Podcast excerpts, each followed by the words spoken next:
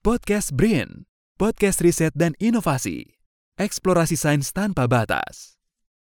Halo kawan BRIN, welcome to podcast BRIN. Saya Enda Damastuti yang akan memandu rangkaian podcast kali ini. Podcast ini terselenggara atas kerjasama Deputi Fasilitas Riset dan Inovasi dengan Organisasi Riset Tenaga Nuklir. Dalam episode kali ini kita akan berbincang dengan peneliti riset RTN BRIN yang sudah lebih dari 30 tahun melakukan riset mengedepankan teknik analisis nuklir. Pada podcast kali ini kita akan membahas pemanfaatan teknik analisis nuklir di bidang lingkungan dan juga kesehatan. Selamat datang Ibu Muhayatun. Senang sekali bisa berbincang dengan Ibu di tengah-tengah kesibukan Ibu. Nah, Ibu Muhayatun ini merupakan senior saya di kelompok kerja teknik analisis nuklir. Sepak terjang beliau baik di kancah nasional maupun internasional telah membuahkan berbagai kolaborasi riset yang outputnya bermanfaat bagi masyarakat.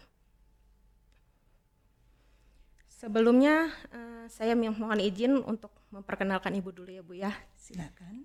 Narasumber kita kali ini adalah Profesor Dr. Muhayatun MT. Beliau merupakan peneliti ahli utama dari Pusat Riset Teknologi Deteksi Radiasi Analisis Nuklir, Organisasi Riset Tenaga Nuklir Badan Riset dan Inovasi Nasional. Beliau ini telah menjalin berbagai kolaborasi riset baik di dalam maupun di luar negeri.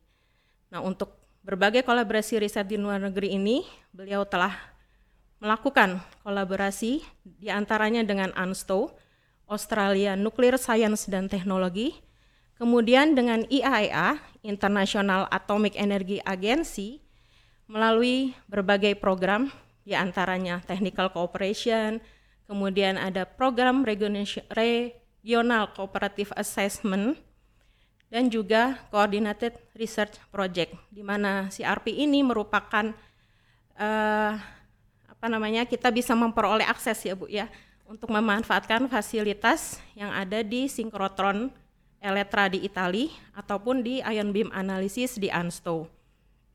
Kemudian untuk di dalam negeri, kolaborasi riset telah dilakukan dengan Kementerian Lingkungan Hidup dan Kehutanan, kemudian dengan berbagai dinas lingkungan hidup provinsi kota, juga dengan berbagai akademisi, ada dari ITB, ITS, ITENAS, UNPAD, STIN, UI, dan sebagainya.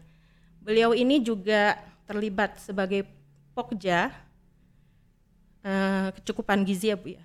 Pokja kecukupan gizi dari Kementerian Kesehatan sejak tahun 2016 dan beliau juga terlibat uh, sebagai tim panel pakar Risk Assessment Center INARAK dan juga masih banyak lagi.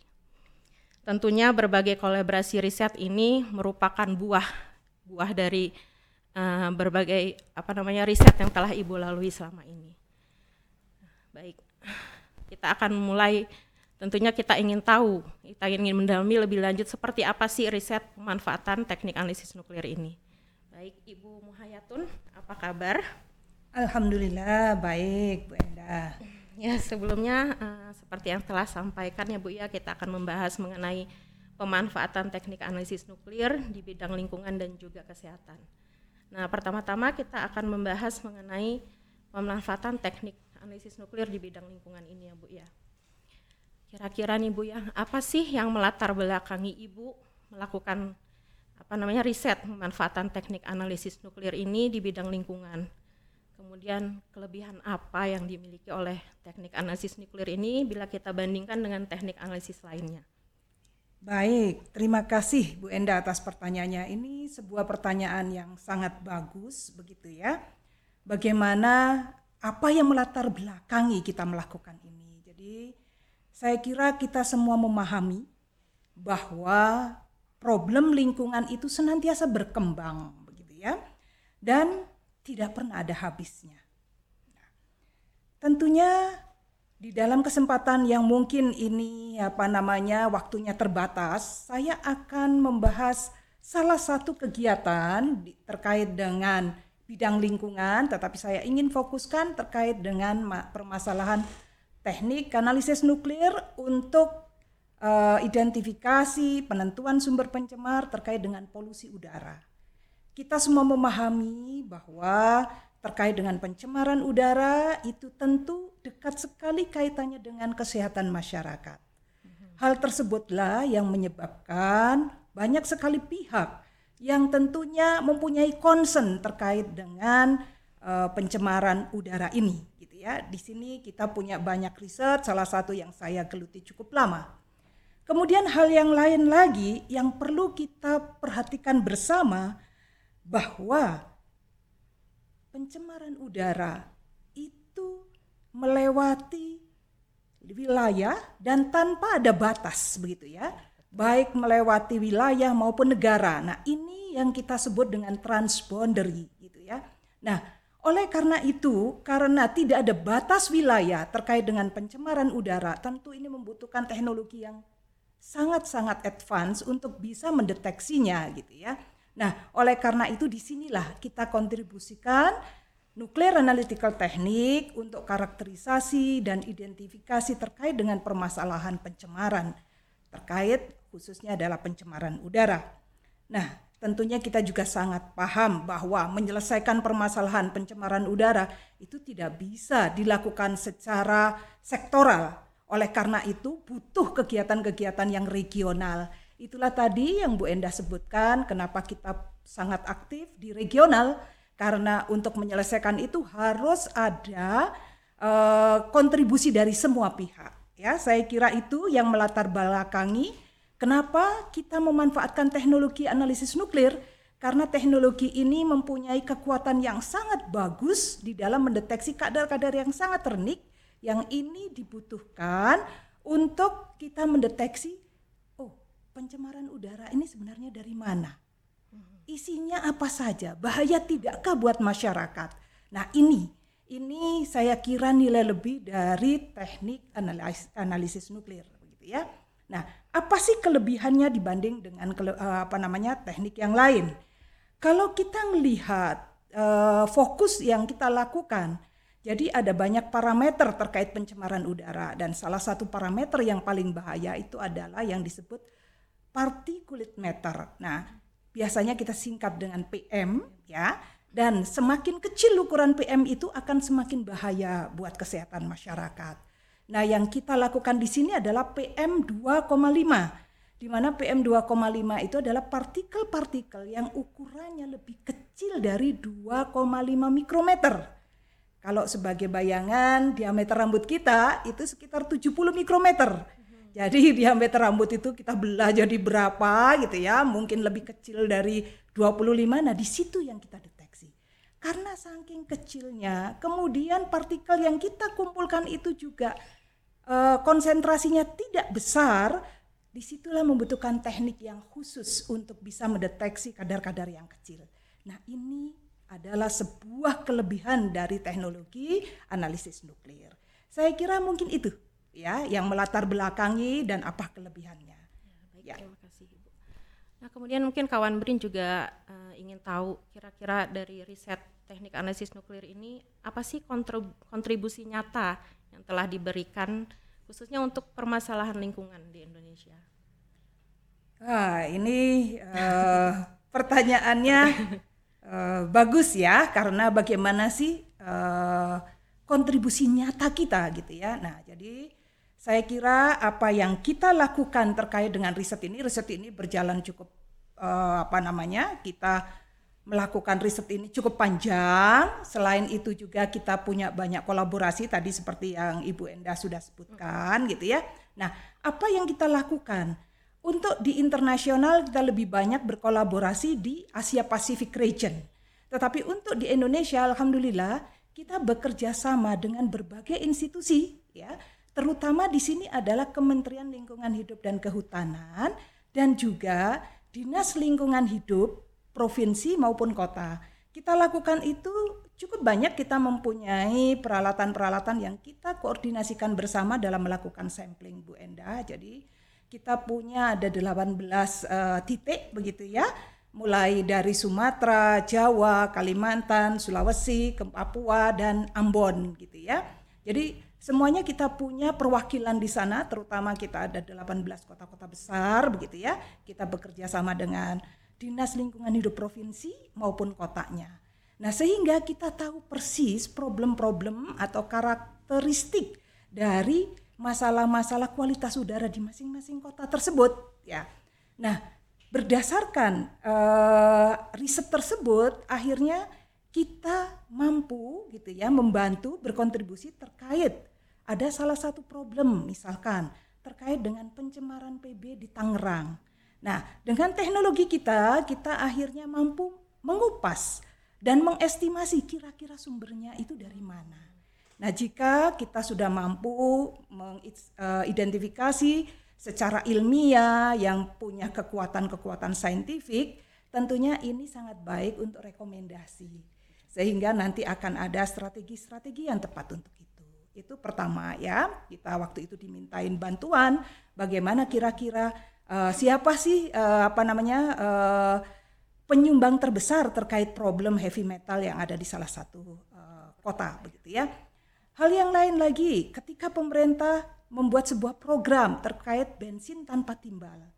Bagaimana kita dari riset yang kita dapatkan kita bisa menunjukkan efektivitas dari sebuah program yaitu salah satunya kita tandahi dengan yang kita lakukan di Bandung begitu ya.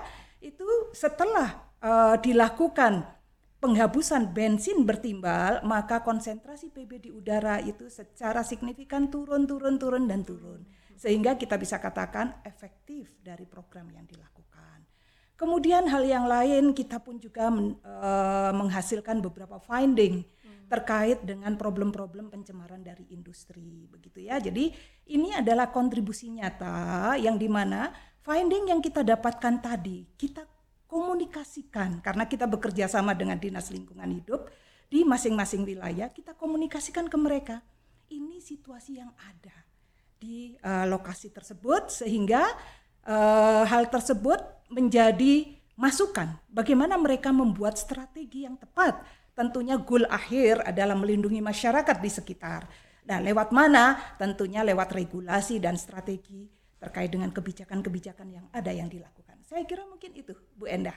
Iya, ya, baik. Menarik sekali ya, Bu. Ya, terima kasih. Uh, jadi kalau boleh saya simpulkan ya Bu ya, jadi lingkup dari riset untuk teknik analisis nuklir ini kita menentukan pencemar udara ya Bu ya. Jadi kita bisa mendapatkan hasil yang lebih akurat ya Bu ya untuk para pemangku kepentingan ya untuk para pemerintah untuk menghasilkan suatu kebijakan yang tepat dan juga terarah. Betul. Kemudian ini ya Bu ya output yang diharapkan ya Bu ya. Betul. Ya. Kemudian eh, tadi Ibu bilang bahwa Ibu bekerja sama dengan eh, berbagai dinas lingkungan hidup. Itu ke, eh, lingkungan hidup berbagai provinsi dan juga kota ya Bu ya. Nah, itu sinerginya seperti apa itu? Bu? Sinergi lintas uh, institusi itu. Baik, uh, karena yang kita lakukan di dalam riset ini, kita mempunyai uh, komitmen bersama, yaitu kita melakukan sampling, di mana kita mempunyai jadwal yang sama untuk 18 site yang tersebar di Indonesia. Kita melakukan sampling di saat yang sama, kita punya jadwal, dan tentunya tidak mungkin dari pihak uh, tim kami gitu ya yang melakukan sampling di mana-mana oleh karena itu kita bekerja sama dengan Dinas Lingkungan Hidup, kemudian mereka juga kita supervisi, kita train gitu ya, bagaimana melakukan sampling. Jadi mereka yang melakukan sampling ya. Jadi sampling dilakukan oleh mereka, kemudian karena untuk karakterisasi dan semuanya menggunakan teknologi analisis nuklir, maka semuanya kita lakukan di uh, BRIN begitu ya. Nah, selanjutnya hasil tadi kita olah sehingga kita tahu persis bagaimana kualitas udara dari masing-masing lokasi tersebut. Mhm. Dan akhirnya kita reportkan kembali ke mereka sebagai bahan masukan. Ini loh situasi di mereka. Saya kira mungkin itu, Bu Endah. Iya. Ya. Uh, kemudian Ibu ya, uh, Ibu melakukan riset, kemudian melibatkan berbagai banyak pihak, pasti ada hambatan-hambatan Ibu ya. Mungkin bisa diungkapkan kira-kira hambatan seperti apa yang uh, telah Ibu lalui gitu. Baik. Ya, kita punya riset yang apa namanya? yang cukup apa namanya cukup lama ya kita bekerja sama menggait kerjasama tentunya tidak hanya dengan dinas lingkungan hidup saja Tetapi yang kita tekankan di sini kita juga melibatkan akademisi. Jadi akademisi di masing-masing lokasi tersebut sehingga apa? Sehingga harapannya adalah sustainability dari proyek tadi dan ownership dari riset yang kita miliki itu masih bisa dikembangkan oleh mereka begitu ya. Nah, tentunya uh, sinergi ini yang sangat penting gitu ya dan ujung-ujungnya tentunya harapannya adalah kualitas udara di Indonesia itu menjadi lebih baik dan masyarakat terlindungi. Nah, terkait dengan hambatan begitu ya. Nah, karena di dalam riset ini kita mewajibkan gitu ya, uh, setiap lokasi yang bekerja sama dengan kita itu melakukan sampling, Endah gitu ya. Nah, kadang-kadang problemnya adalah mereka pun juga mempunyai tugas-tugas yang punya priority gitu ya. Nah, ada satu waktu misalkan mereka semuanya lagi ada kegiatan.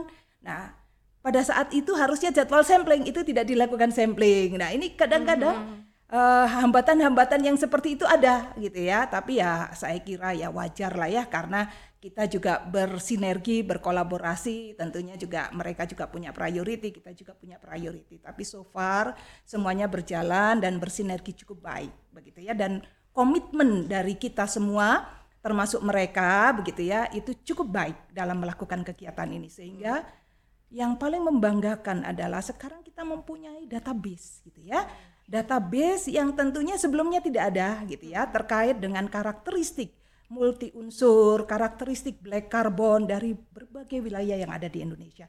Dan ini adalah sangat-sangat penting, data yang sangat penting buat kita uh, memahami secara uh, saintifik apa sih sebenarnya yang terjadi gitu ya. Dan mungkin itu juga jadi pijakan kalau ke depan perkembangannya akan lebih baik atau menjadi lebih buruk sehingga ini bisa dievaluasi. Saya kira mungkin itu. Ya. Iya, Ibu. Uh, kita akan berpindah ya Bu ya ke topik selanjutnya. Ini terkait okay. masalah kesehatan Ibu. baik, baik. Nah, untuk teknik analisis nuklir ini manfaatnya seperti apa di bidang kesehatan? Oke, baik.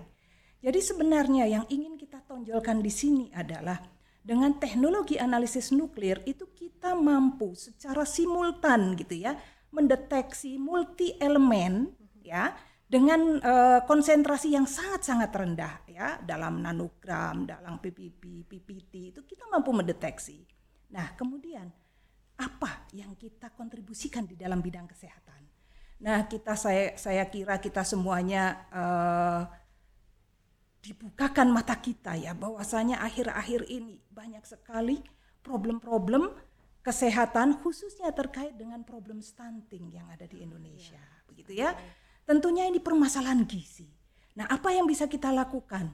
Maka yang kita lakukan adalah dengan teknologi analisis nuklir tadi, kita akan e, menentukan gizi-gizi mikro ya, multi elemental analysis untuk bahan pangan Indonesia.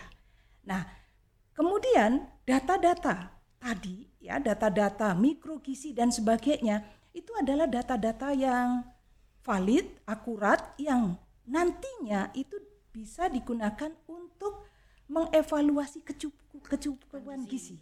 begitu ya. Digunakan untuk mengevaluasi kecukupan gizi. Dan selain itu bisa juga digunakan komposisi bahan pangan seperti apakah gitu ya yang e, bisa digunakan agar gizi untuk terutama anak-anak ya gizi untuk anak-anak itu bisa terpenuhi. Nah saya kira ini itu adalah sebuah terobosan yang sangat baik begitu ya. Jadi uh, kita mempunyai fasilitas yang luar biasa. Indonesia mempunyai tiga riset reaktor gitu ya. Mm-hmm. Nah ini itu bagaimana kita memanfaatkan ini semua dan bagaimana kita kembalikan ini semuanya adalah untuk masyarakat. Salah satunya kita mempunyai riset yang cukup panjang, bagaimana kita mengidentifikasi gizi-gizi mikro pada bahan pangan bahan pangan yang ada di Indonesia. Mm-hmm. Ya tentunya kita tidak hanya mendapatkan gizi mikro karena dia multi elemental analysis, kita juga termasuk bisa mendapatkan konsentrasi heavy metalnya. Jadi dua-duanya kita akan dapat begitu ya. Nah, tentunya ini sangat baik digunakan untuk uh, membantu tim dari eh, teman-teman uh, yang ingin melakukan perbaikan gizi karena apa masalah stunting ini harus semua lini bekerja karena Indonesia ingin berharap menjadi Indonesia emas pada tahun 2045. Hmm. Dengan harapan adalah tentunya permasalahan stunting prevalensinya itu menjadi turun. Ini PR kita bersama dan itu tidak hanya melibatkan BRIN saja tetapi melibatkan semua sektor gitu ya sehingga mari diputus kita sama-sama memutus terkait dengan permasalahan stunting. Salah satunya yang kita kontribusikan itu adalah tadi gitu ya. Kita mengetahui gizi mikro pada berbagai bahan pangan dan tentunya ini ujung-ujungnya adalah bagaimana kita menentukan masalah kecukupan gizi dan bagaimana ini dimanfaatkan untuk uh, apa namanya para praktisi gizi dan sebagainya untuk mengevaluasi menu-menu yang ada dan sebagainya. Saya kira ini ini yang bisa kita kontribusikan terkait untuk itu. Ya. Uh, jadi Bu ya untuk riset terkait kesehatan ini kita juga seperti tadi Ibu bilang yang melibatkan berbagai banyak sektor tentu saja untuk pengentasan masalah kesehatan. Uh, tidak apa lagi-lagi juga kita membutuhkan sinergi ini Bu ya lintas institusi. Nah, kalau untuk di riset bidang kesehatan ini uh, bagaimana Ibu sinerginya dengan institusi yang lain? Baik, untuk bidang kesehatan ya, kita bersinergi dengan teman-teman uh, apa namanya pelaku riset yang sebelumnya itu ada di Kementerian Kesehatan mm-hmm. gitu ya. Nah, kemudian beberapa perisetnya sekarang sudah uh, menjadi satu di BRIN begitu ya. Jadi saya kira BRIN ini sebuah wadah yang sangat baik di mana kita banyak sekali apa kompetensi-kompetensi ada yang bersatu menjadi satu.